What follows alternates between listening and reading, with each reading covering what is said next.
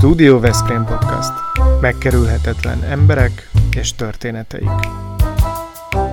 Diósi Lászlóval és Weber Lászlóval. Mi tényleg a valóságról beszélgetünk.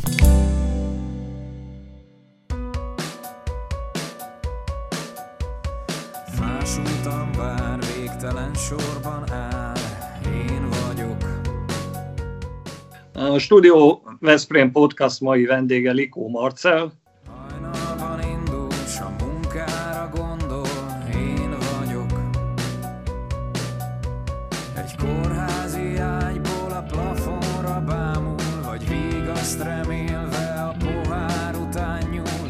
Vakon keresgél, ahogy te is kerestél, én vagyok. énekes, zenész, frontember, a Vadfrutik vezetője, nem tudom még miket szoktak mondani egyéb, egyéb egyebet a bemutatásoknál.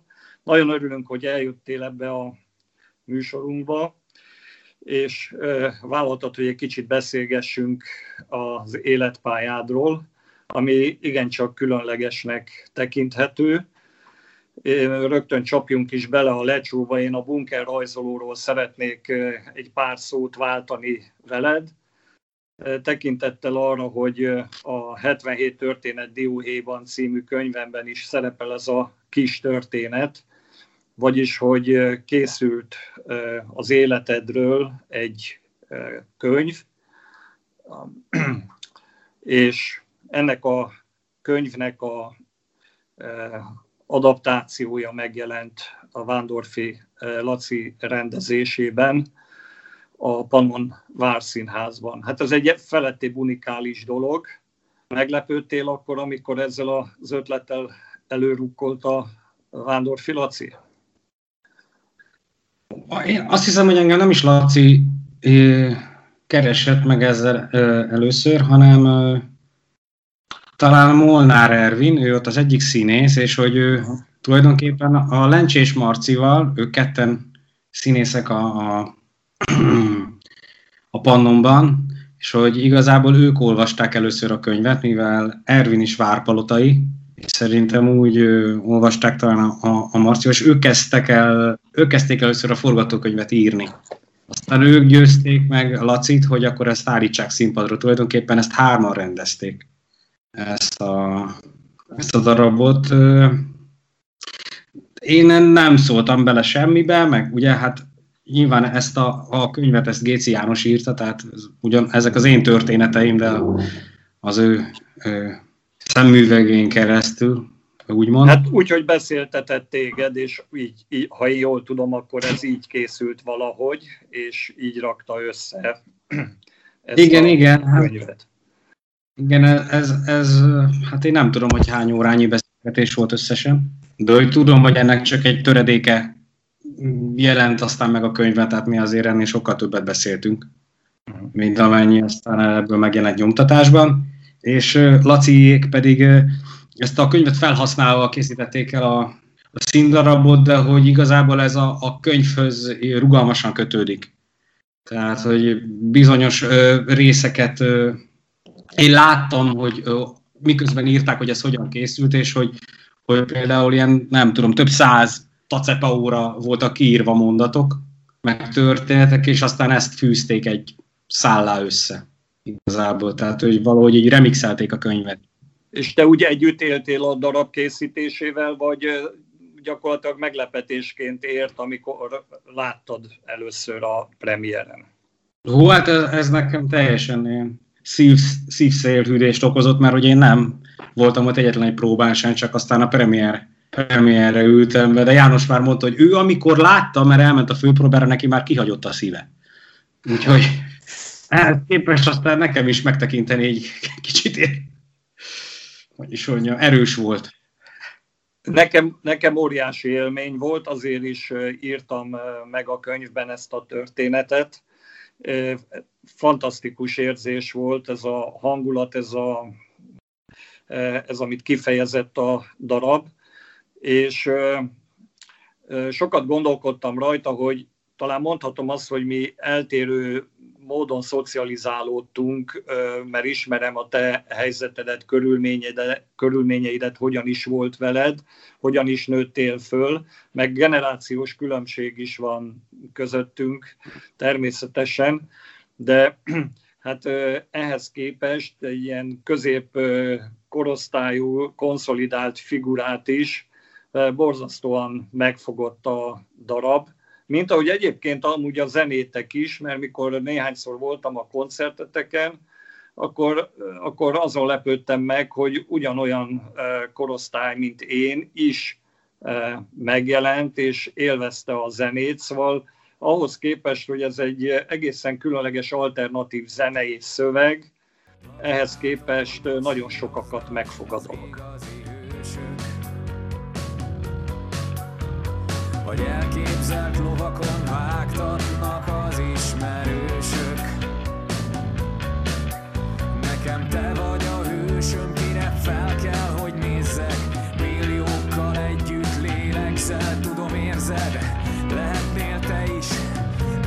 én is, az az egy Az az egy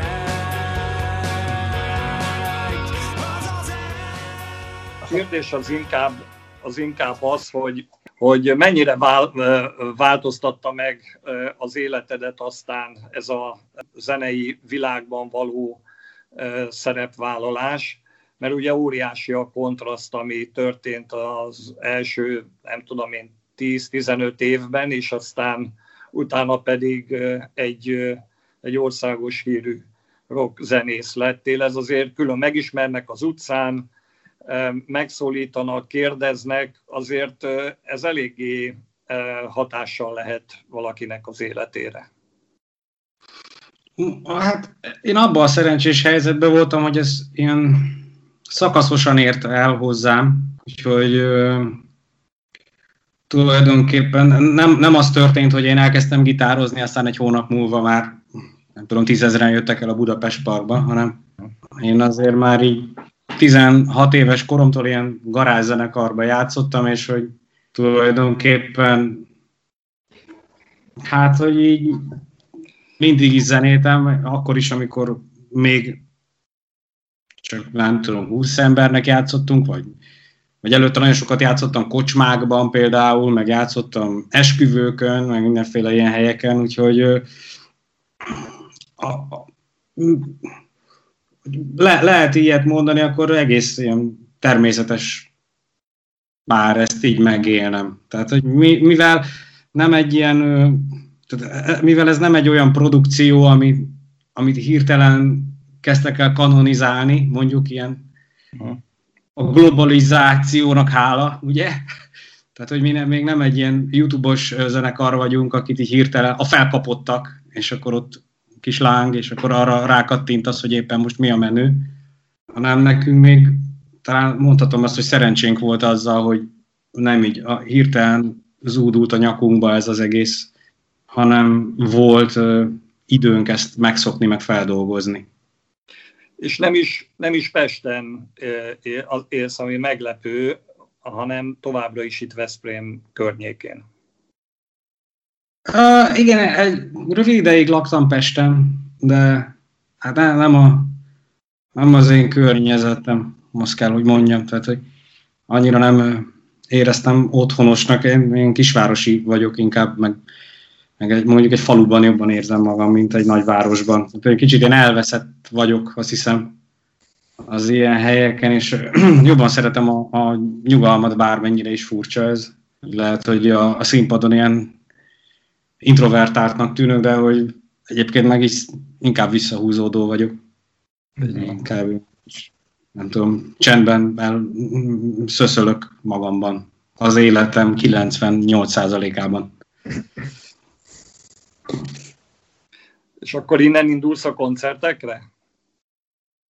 Mm, persze, bárhogy most már azért nyilván újra ilyen elvonási tüneteim vannak, meg így jó lenne menni, meg a fiúkkal együtt lenni, de hogy meg mikor tudom volt el, mikor volt el utoljára a színpadon, Marci? Még valamikor a szeptemberben azt hiszem. Még akkor hmm. jöttek még ezek a megszorítások, jöttek az 500-as koncertek, 500 fős koncertek, és Aha. abból mi lenyomtunk egy párat, aztán egyszer csak így vége lett, mert azt vettük észre, hogy az emberek már félnek. Uh-huh. Van egy olyan kifejezés, hogy no show, ami azt jelenti, hogy megváltja valaki a jegyet, de nem jön el. És hogy és ugye mivel ezt lehet követni ilyen analitikus szoftverekkel, azt láttuk, hogy egyre több ez a no-show, hogy azon a héten megveszi még a jegyet, és hogy és akkor inkább már nem mennek el. És akkor úgy gondoltuk, hogy ez akkor talán itt érdemes lenne abba hagyni, mert uh-huh. ebből sok jó nem fog születni. És akkor a hangulat is talán egy kicsit más ilyenkor, amikor amikor feszélyezettebbek az emberek, meg nem lehet annyira közel lenni, meg nem lehet egymás nyakába ugrani. Hát figyelj, én azt gondolom, hogy aki eljött, ezt mivel nem volt távolságtartás, ezért nem. Nem, nem, nem volt a hangulatra panasz. De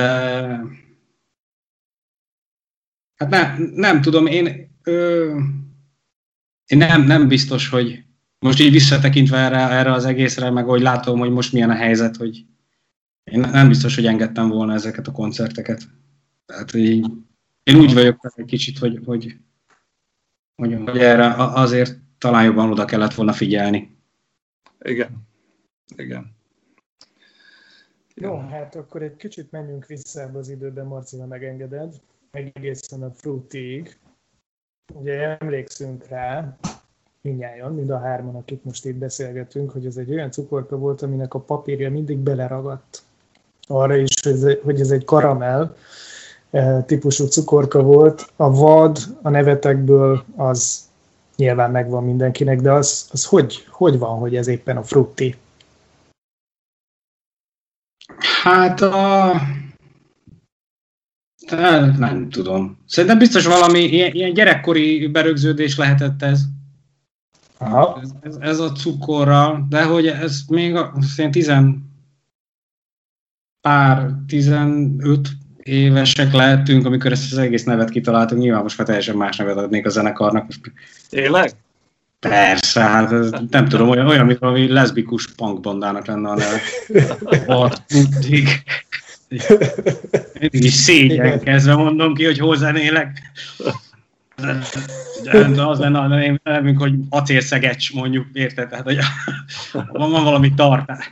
Azt hiszem, hogy a Trent Reznor mondta, a Nine Inch Nails-nek az énekese, hogy hát hogy a zenekar nevet azt úgy kell választani, hogy, hogy megjegyezhető legyen, és hogy legyen a névnek tartása. Szóval, hogy kimondani könnyű legyen, meg tudod ilyenek. Tehát, hogy igen, az egyik semmi... követelmény megvan, az egyik követelménynek megfeleltek, hát a másikkal ezzel lehet, hogy van Nem felejted el, az biztos, hogy egyszer igen. hallod, akkor de nagyon sok embertől hallottam azt, hogy azért nem hallgatták meg a zenénket, mert milyen hülye a nevünk. Ilyen hülye nevű zenekarnak nem hallgatom meg a zenéit. Bár azért azt gondolom, hogy Magyarország a hülye nevű zenekarokba élen jár, szóval hogy persze, ebbe azért így persze, persze.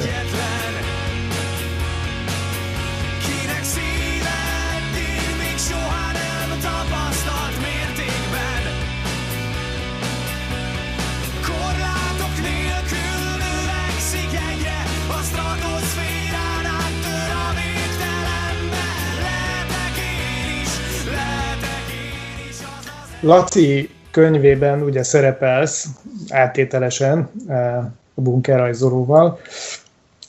Amikor mi erről a könyvről beszélgetünk, a Lacival mindig elmondja, hogy eh, rengeteg olyan sztori van, ebben 77 van egyébként, de rengeteg olyan sztori van, ami nem került bele ebbe a könyvbe. Nálad ez hogy néz ki? Vannak olyan sztorik, amik nem jelennek meg a könyvben, és ezek közül van olyan, amiről beszélsz szívesen? Hát ez kicsit nehéz, ugye, mert hogy amikor, a, amikor mi Jánossal beszélgettünk, akkor tulajdonképpen kvázi mindent elmondtam neki, amire emlékeztem az életemből.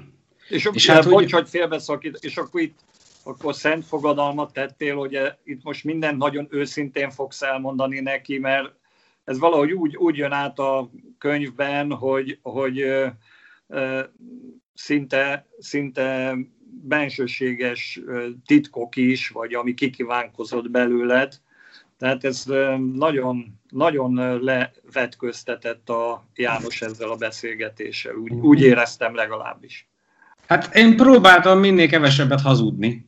Hogy ez volt az egyik alap, hogy így ne akarjam kiszínezni a történetet, és hogy itt a, ugye, hogy ennek a, a technikája az az volt, hogy én egy történetet többször is elmondtam.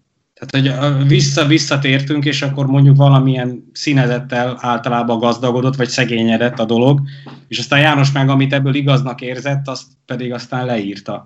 De hogy én azt éreztem a, a beszélgetésnek a, a végére, hogy, hogy vajon mi volt az, amit én eredetileg mondjuk szégyeltem volna elmondani. És hogy emberek ezeket a dolgokat, mondjuk amit én így elmondtam, mondjuk akár a családomról, vagy akár arról, hogy, hogy velem mik történtek, hogy ezeket vajon miért szégyelli. Tehát, hogy valaki mondjuk azt miért szégyelli, hogy tudom is én, berugott vagy. Valaki azt miért szégyelli, hogy nem tudom, megcsalta a feleségét. Hogy ebben milyen, milyen szégyelni való dolog van, miközben ezt mindenki csinálja. És hogy nagyon érdekes, hogy hogy milyen ilyen normákat állítunk fel magunknak, vagy milyen hiedelmek mentén éljük az életünket, és ezt természetesnek veszük, ugye, mert ez a többségnek a természetes, hogy azt mondják, hogy mutasd kifelé azt, hogy minden rendben van. És hogy tök érdekes, mert hogy én nem igazán láttam még életemben olyan embert, akivel minden rendben van, mégis nap mint nap valahogy az jön szembe, tehát, hogyha bekapcsolod csak a közösségi médiát, hogy mindenki milyen toppon van, érted, hogy izmos vagyok, befestettem a hajamat, uh-huh. megcsináltam a körmeimet, és hogy tök jó minden, és hogy ö, valahogy ez egy ilyen követendő példa lett, és hogy én magam, amikor elkezdtem a történeteket mesélni Jánosnak, akkor meg is szégyenkeztem, hogy hát de én meg annyira ilyen angolban van egy ilyen kifejezés, ilyen freak vagyok, hogy én velem meg csupa ilyen hülyeség történik, miközben mindenkivel meg jó dolgok. És akkor aztán kiderült, hogy nem. Hogy tulajdonképpen valahogy mindenkivel történik ilyesmi, de hogy ezt valamiért eltitkolja, mert hogy nem helyén való, vagy valamilyen fajta közös megegyezés alapján nem szép dolog ezekről beszélni. De hogy 2020-ban, hogy ez miért van így, azt nem pontosan értem. Uh-huh. Jó, hát nem fogtad vissza magad, amikor, amikor elmondtad a, főleg a életed indítását, gyerekkorodat, amit most itt nem akarunk boncolgatni, csak meglehetősen érdekes volt, meg ez jól átjött a darabon is egyébként. Mm. Marci, Marci, neked van egy népművelői diplomát, bár abban az időben, amikor te szerezted, akkor már ugye művelői szerzőnek hívták. Nekem mm-hmm. erről, amit az előbb beszéltél, hogy mit látunk, körül, ha körülnézünk a közösségi médián keresztül, mindenki happy, boldog, azt mutatja, hogy oké okay, minden. Ehhez képest te, amikor írsz, és fellépsz, és énekelsz, és ott van előtted is egy csapat, meg mögötted is egy csapat, akkor tulajdonképpen te azt csinálod, amire készültél annak idején? Ez tekinthető úgy, hogy valami fajta népművelői tevékenység? Ja, érdekes ebben a, ebben a perspektívába, vagy megvilágításba helyezni a, a dolgot. Ö, nem tudom, lehet, hogy van bennem valami ilyen, ilyen szándék, vagy... Ö... Mert hogy kiállsz, ezzel a könyv, könyvvel is kiálltál, és elmondtad azt, ami van, nem azt, amit látni akarnak a népek. Igen, tehát hogy csak, hogy ugye ez direktbe így nem működik, tehát hogy azt, azt így nem lehet. Uh-huh. Mert hogy én ezzel annak idején még így próbálkoztam is, emlékszem, hogy volt könyvklubom, még a Petőfi rádióban, igen, igen. Még, a régi, igen. még a régi Petőfiben, és akkor, akkor kortárs irodalommal foglalkoztam, és hogy volt, nem tudom, minden héten előre rögzített anyagok, és akkor ajánlottam könyveket, és hogy nem tudom, le, lehet, hogy ott valami rám ragadt a tanszék, tehát hogy ez is, ez is előfordulhat, hogy még valamit tanultam is, de hogy, hogy igen, azt, azt gondolom, hogy, hogy mindenképpen fontos az, hogy így, hogy az emberekhez elérjenek olyan dolgok, amit mondjuk én értékesnek érzek. Nagyon furcsa, hogy én kezelem a zenekarnak az Instagram oldalát, és hogy én például nem követek semmit, csak általában ilyen művészeti dolgokat, mert hogy engem az érdekel. És egy tök fura, hogy viszont nekem az Instagram algoritmusa meg nem dob ilyeneket fel. És hogy ezen kezdtem, ezen kezdtem meg gondolkodni a múlt, hogy ez olyan miért van? Tehát, hogy nekem miért dobál fel a haj ilyen beállításokat, meg, meg izmos pasikat, meg szép nőket, és hogy hát én meg ez ellen vagyok maximálisan. én, meg, én meg így úgy vagyok vele, hogy így, én meg próbálok így a szellemhez szólni. Aha, igen. Így, így igen. ezzel szem, én meg úgy megyek szembe az árral, vagy nem tudom.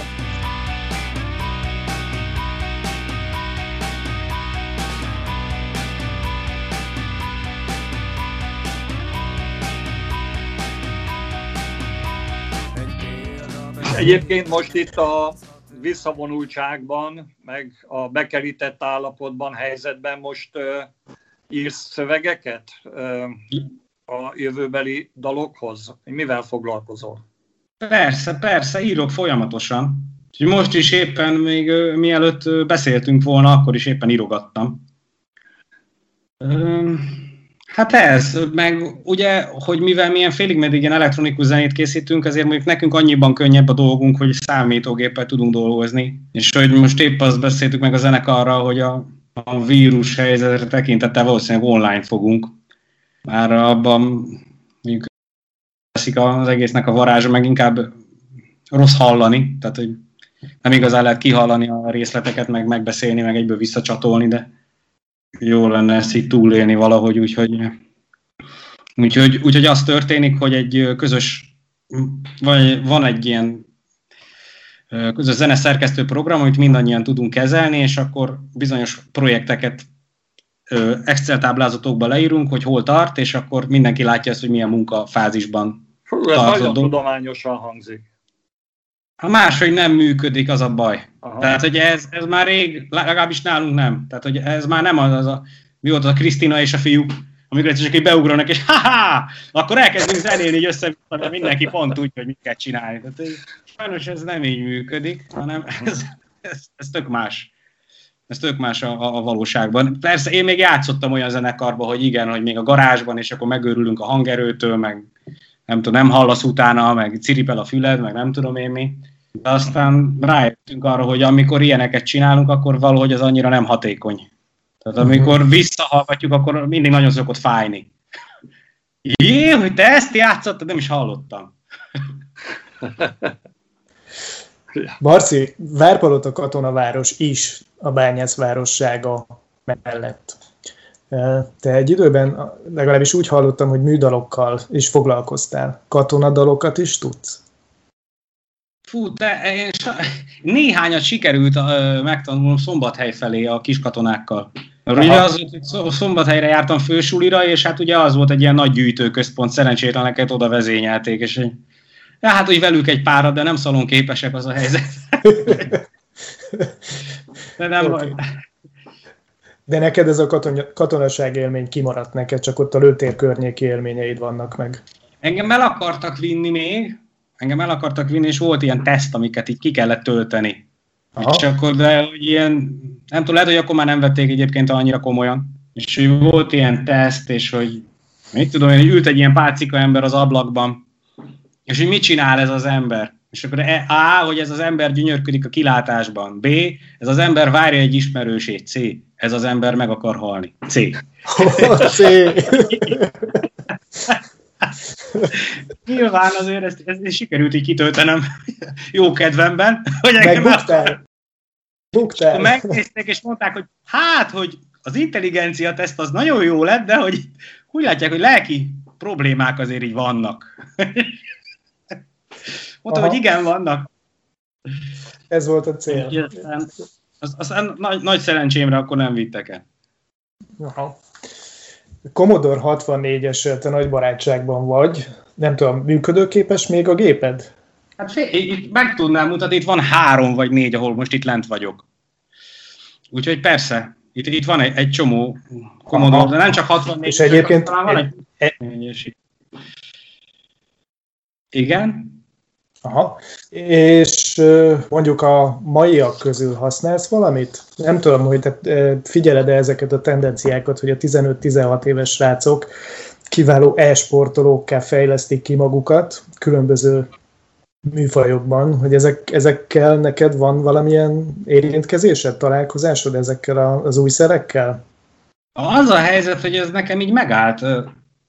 A, én, a, én, én a Commodore-nál leálltam, mert emlékszem, hogy amikor elkezdtem középiskolába járni, akkor ugye már bejöttek az X-ték, és akkor uh-huh. nem tudom, hogy engem valahogy nem érdekel. Tehát, hogy én ilyen, mivel akkor engem a rockzene érdekelt, hogy ez, ezzel ilyen a, a számítástechnika így annyira meg így nem, és hogy de egyébként jártam, pedig akkor voltak kombók például, hogy, a, hogy az olyan uh-huh. volt, hogy több számítógépet ugye egymás mellé kapcsoltak, és nem tudom, 200-an díjmoztak egyszerre. Így van, így van. És jártam ilyenekre, de hogy sose játszottam. Tehát nem tudom, hogy ott voltam hogy a társaság miatt, meg megszoktam, hogy így kockulunk, meg ilyesmi, de aztán, aztán nem játszottam többet. Tehát, hogy én tényleg így, így megálltam így a Commodore-nál, és hogy úgy vagyok, hogy nem tudom, néha, hogyha valamelyik barátomhoz elmegyek, és hogy, hogy nagyon ritka az, hogy én egy konzolt így a kezembe fogjak, és valami, itt még amikor volt ez a Kinect, akkor talán még így a Fruit nincsáztam, érted, meg ilyenek, de hogy így de érdekes, mert, mert aztán így azt gondoltam, hogy nekem a játékok a fontosak ebben, és hogy, hogy nem tudom, karácsonyra kértem egy Nintendo-t pár éve, és kaptam, és nem is foglalkozom vele, úgyhogy, úgyhogy, úgyhogy valószínű, hogy, hogy, csak a, hogy csak a romantikus emlékek miatt, meg a pixelek miatt. Hogy mindig megjön a Dani barátom, a legjobb barátom, Dani, és akkor mindig szoktunk játszani, és akkor leülünk egymás mellé, és akkor végig kell vinni a, a Buble Boble című játékot, mind a száz pályát, meg megölni a főgonoszt, de hogy ez ennyi, inkább egy ilyen, nem is tudom, egy ilyen hit. Na, nagyon jó, nagyon jó, megérkeztünk. Figyelj csak, én láttam azt a, talán nyáron publikáltátok, illetve nyáron is készült a Csopak című dal klipje. Igen. Ahol én téged egyfajta ilyen buddhista szerzetesi eh, eh, outfittel látlak, úgy vagy fölöltözve, meditálsz a naplementében, meg hát és akkor most mondod a Commodore 64-es kapcsán ezt a hit dolgát, dolgot. Hogy vagy te ezzel, hogy, hogy akkor ez az életedben milyen módon jelenik meg a Commodore 64-es mellett, és ugye buddhista szerzetesként is szerepeltél már. Ez ja, most csak persze, egy szerepjátszás, vagy ez most csak egy... Igen, az csak egy, az csak egy vicc volt, tehát hogy nem, engem anyám sokat járatott templomba, és nem tudom, én a, a, ott mindig nagyon kértem az Istent, hogy így éljünk jobban, meg apám ne ígyon, meg nem tudom én micsoda, és hogy a, és hát, hogy ugye sok könyörgésem ellenére sem lett ez aztán. Uh-huh. Tehát, hogy határom továbbra is ívott, és hogy nekem így nem sikerült megmentenem önmagától, és hogy én akkor így ettől így teljesen elfordultam. És hogy aztán később se sikerült visszafordulnom. Tehát hogy az volt, hogy, hogy bennem a, a hit, meg a, ez, a, ez, a, ez az egyház, főleg az egyház inkább, hogy azt mondanám, hogy, hogy a, a hitnek az egyházasodása az elég mély negatív nyomokat hagyott. Uh-huh. És hogy bennem sem volt egyfajta ilyen istenkép, egy ilyen megbocsájtó, szerető Istent én is sose láttam, hanem hogy valahogy ez így inkább így megmaradt bennem ez a bántó, ilyen számonkérő. Hogy biztos azért iszik faterom, mert én valamit rosszul csináltam. Uh-huh. És akkor megmaradt ez, hogy, hogy látom, hogy anyám megy gyónni, meg hogy a nem tudom hány miatyánkot ugye kell, és hogy a meg hogy amikor volt a három csengő a templomban, mindegy csengetnek hármat, és akkor mindig azt gondoltam, hogy olyankor kell kívánni, ó, drága Istenem, apám, ne igyon többet, ó, drága Istenem, bárcsak lenne egy focilabdám. És hogy az meg, és nem lett.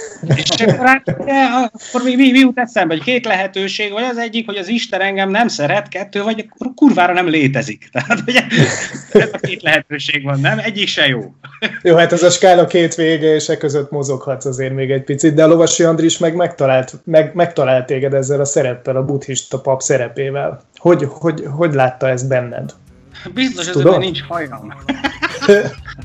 Szent János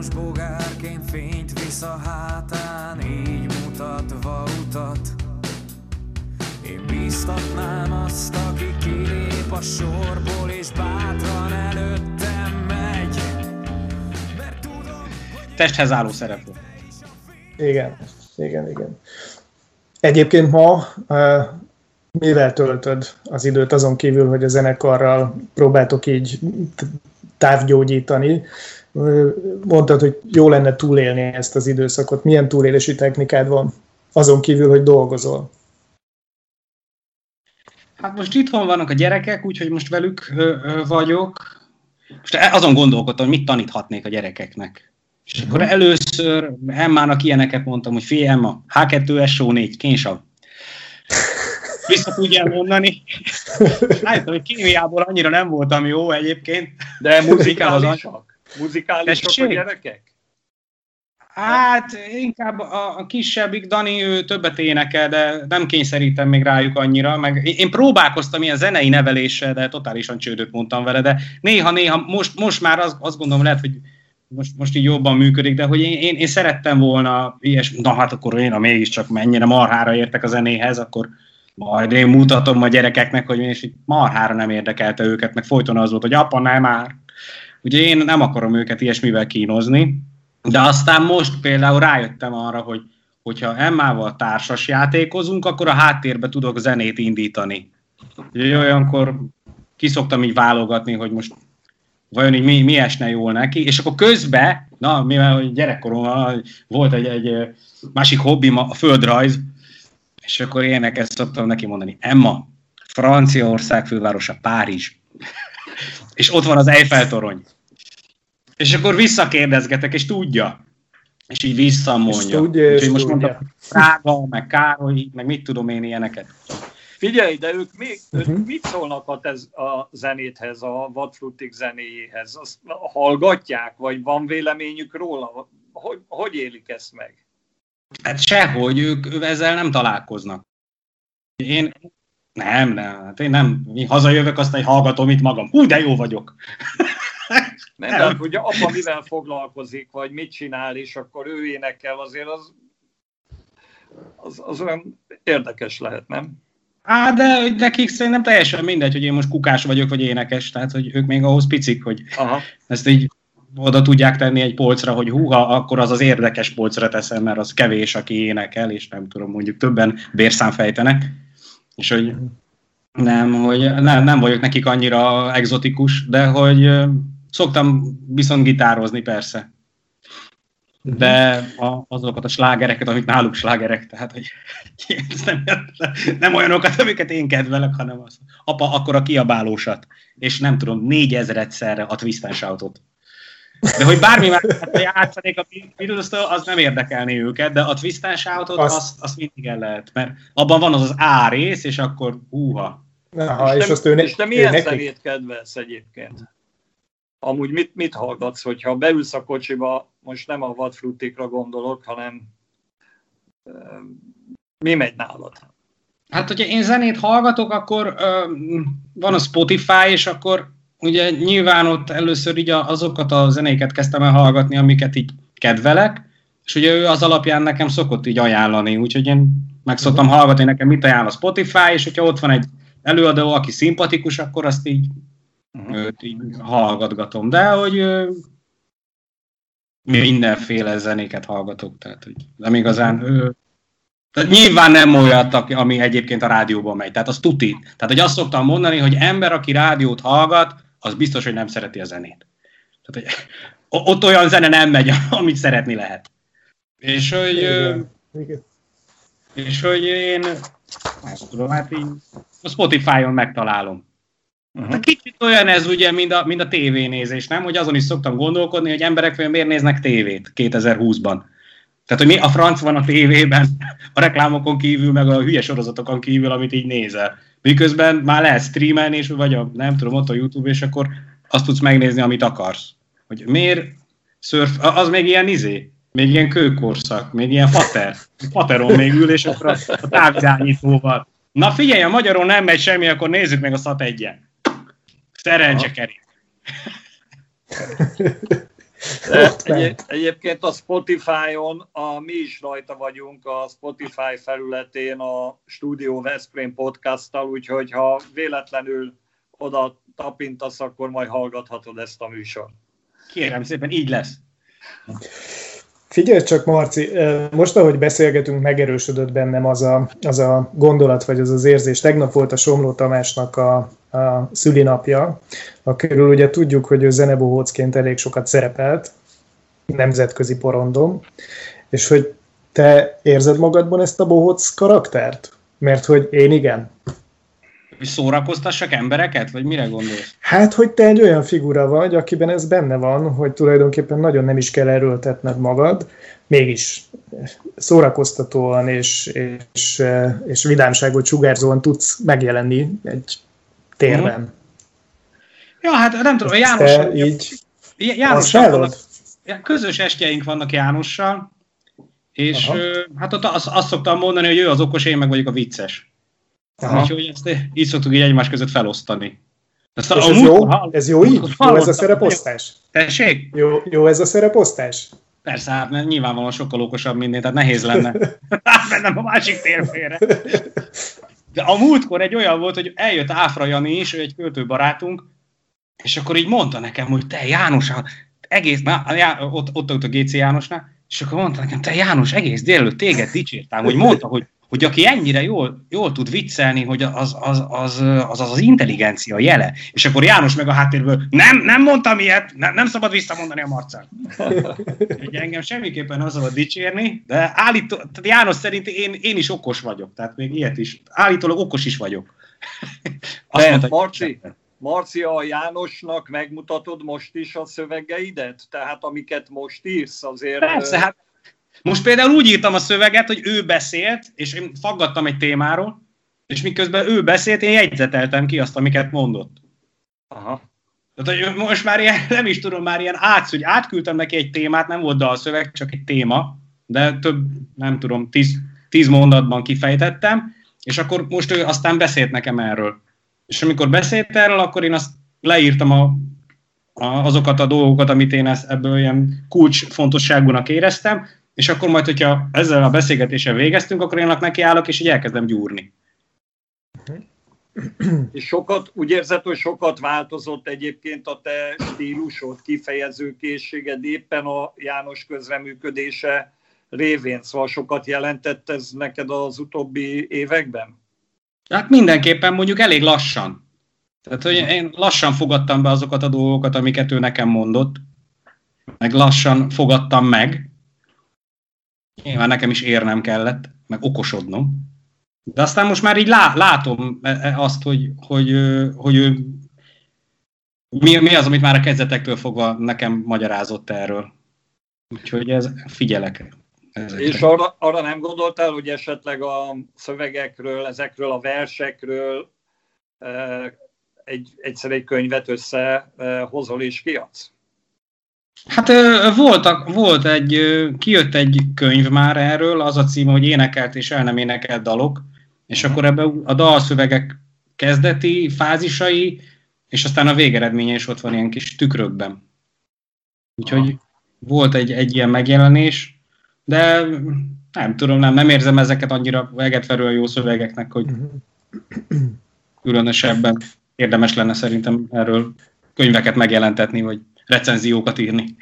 Az nem, de fél óráig gondolkozik az ember, hogy mit akarsz kifejezni, és ez megfogja legalábbis engem, vagy hát sokakat, akik, akik ott vannak a koncerteken, mert e, ezek elgondolkoztató dalok. E, ezek, ezekben van valami olyasmi, ami, ami e, különlegessé teszi az élményt, szerintem. Nem akartalak megdicsérni így a végén, csak csak azért mégis így sikerült.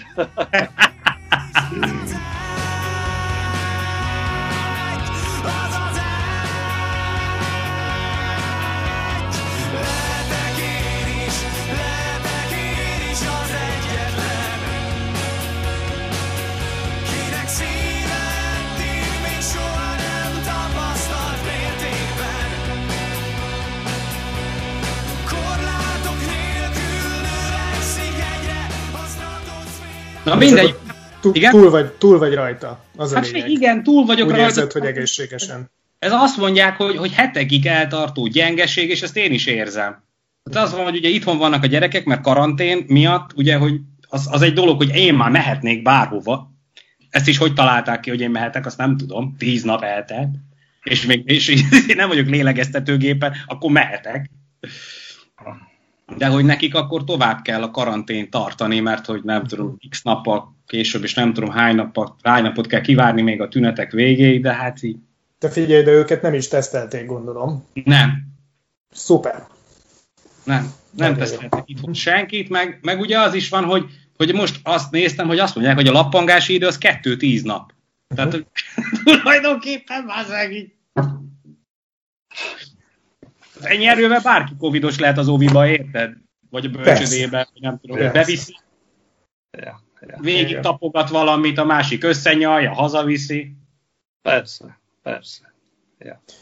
Na, azért, azért mondtam, hogy remélem, hogy túléljük, mert ez, ez tényleg így. És, és képzeljétek, tényleg nem olyan, mint, a, mint az influenza. Tehát, hogy nekem már volt sárgaságom, nekem az volt eddig életemnek a legszarabb. Hát én, én annál rosszabbul még nem éreztem magam. Az, az volt, hogy egy tízes skálán egy ilyen nyolc és feles. Aha.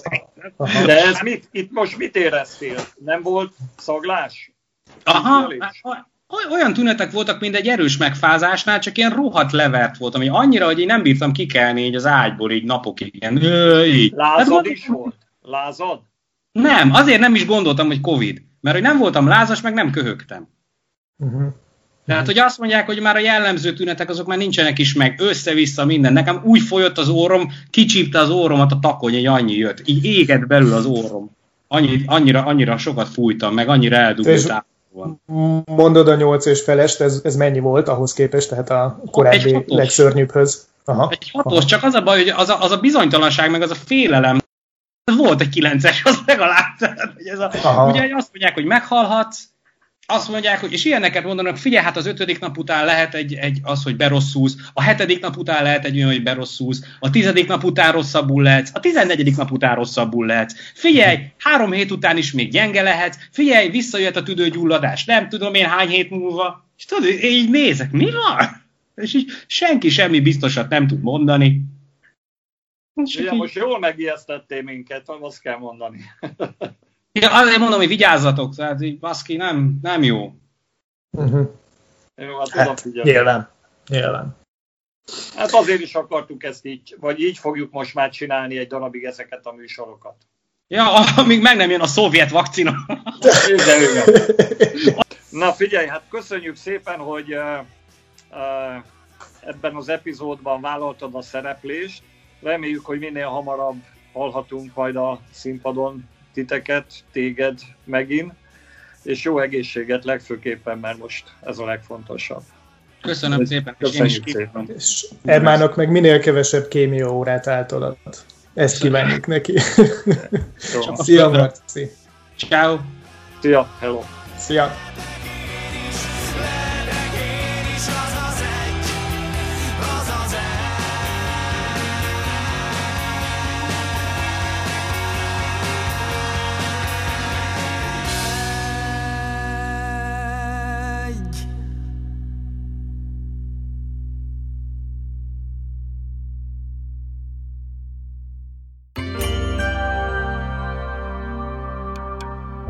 A Studio Veszprém műsora volt.